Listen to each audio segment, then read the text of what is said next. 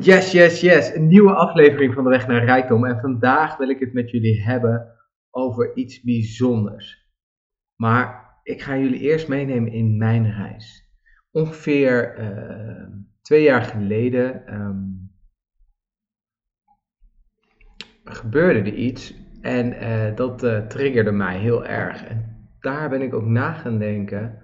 Goh, hé, hey, wat doet dit allemaal met mij? En wat levert het me allemaal op? Nou, ik zou het beeld even schetsen. Ik, uh, nou, we zaten volgens mij vol in corona en ik moest samenwerken met een, uh, nou, een man van een andere generatie, een wat oudere man. Dus, en die had ook een heel ander wereldbeeld dan ik. En wat ik merkte was dat hij mij heel erg, heel veel overleggen, heel veel afstemmen. Um, je kreeg niet echt het gevoel van vertrouwen. Terwijl ik juist vaak mensen heel veel vertrouwen geef. Um, omdat ik dat zelf ook fijn vind om te krijgen. Dat je de ruimte hebt om het op jouw manier te doen. Het gaat niet om hoe je het doet, maar om het resultaat.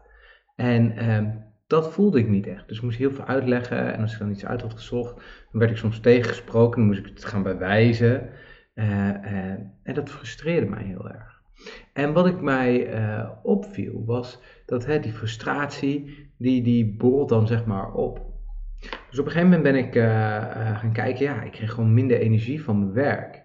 En ik ben dus gaan kijken, hoe kan ik dus meer met passie mijn werk doen? Want ik vond het eigenlijk best wel leuk wat ik aan het doen was, alleen ik had echt een blok aan mijn been. Dus op een gegeven moment ben ik gaan denken, ja, een leuke oefening van de NLP, hè, dus uh, wie zet je, ja, ik zeg altijd, als je, je leven een theater is en jij staat op het podium, wie staat er op je eerste rij? Waar, met wie breng je het meeste tijd door? Die persoon heeft het meeste impact in je leven. En uh, er wordt zelfs gezegd dat de vijf mensen op de eerste rij, vijf of zeven, ligt een beetje aan uh, hoe of wat, maar de vijf mensen waar jij het meest mee omgaat, daar word jij het gemiddelde van. Dus als je allemaal zeurkousen op die eerste rij hebt zitten, of mensen waar je eigenlijk helemaal denkt, ja, daar krijg je geen energie van, dan word jij misschien ook wel zo iemand. Dus ik ben toen gaan denken, oké, wacht even, die persoon, daar ga ik best wel veel mee om. Ik wil veel afstemmen, veel overleggen.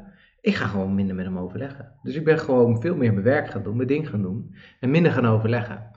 En uh, dat viel natuurlijk wel op, want ja, op een gegeven moment uh, minder meetings, minder beschikbaar voor die persoon, uh, minder afstemmen met die persoon. En ik had eigenlijk wel lekker de flow te pakken, ging wel lekker. Alleen hun dachten, hé, hey, ja, er was nog een andere uh, oudere man die wel graag op die manier werkte.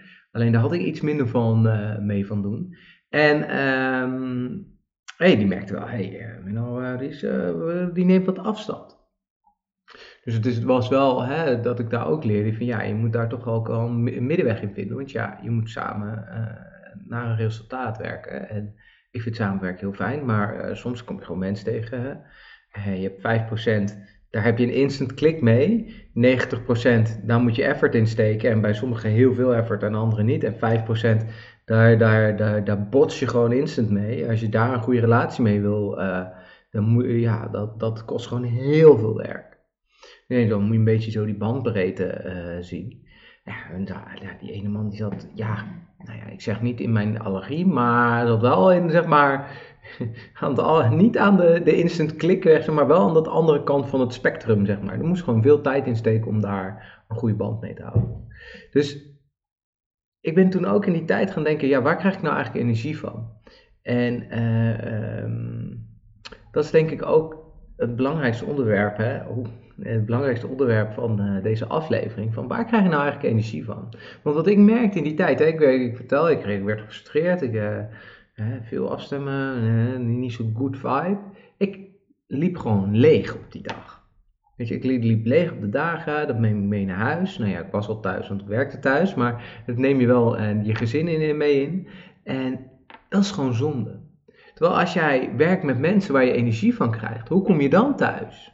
Hoe kom je dan de dag door? En dan is het ineens heel leuk. Dus dat is eigenlijk ook wel een belangrijke les die ik daaruit heb gehaald. Van ja, Oké, met wie ga je om? En soms heb je mensen, ja, die komen op je pad. En uh, wat ik dan altijd maar zeg, ja, wat heb ik hier te leren?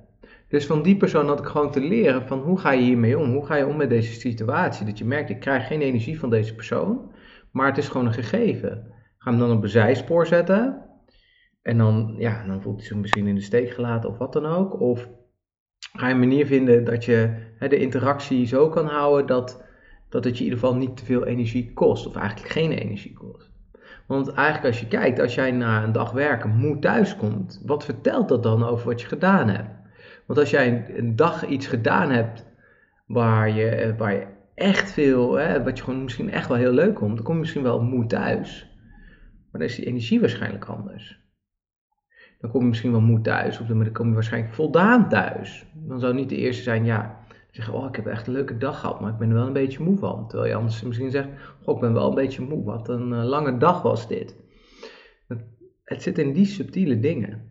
Uh, uh, waar je naar te kijken hebt. En dat heb ik zelf ook heel erg gedaan in mijn, vooral in mijn werk ook. Van hé, hey, waar krijg ik dan energie van en hoe kan ik zo'n dag leuker maken? hey, ik vind het heel leuk om bijvoorbeeld af en toe diepte in te duiken en lekker even te nerden. zoals ik dat zelf noem. Nou ja, dan ga ik dat doen. Of ik, eh, de, ik doe tegenwoordig ook veel eh, workshops voorbereiden. Nou, dan probeer ik toch ook altijd een visueel element van hoe gaan we het vormgeven. Um, ja, dat vind ik gewoon leuk. Daar krijg je energie van, inspiratie. Dan denk ik, oké, dan kan ik weer wat leuke eh, dingetjes tekenen. Nou, tof toch?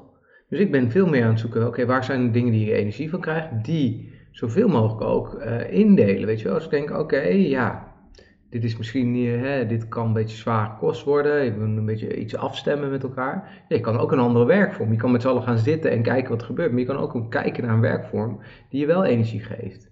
Die wat meer dynamiek veroorzaakt.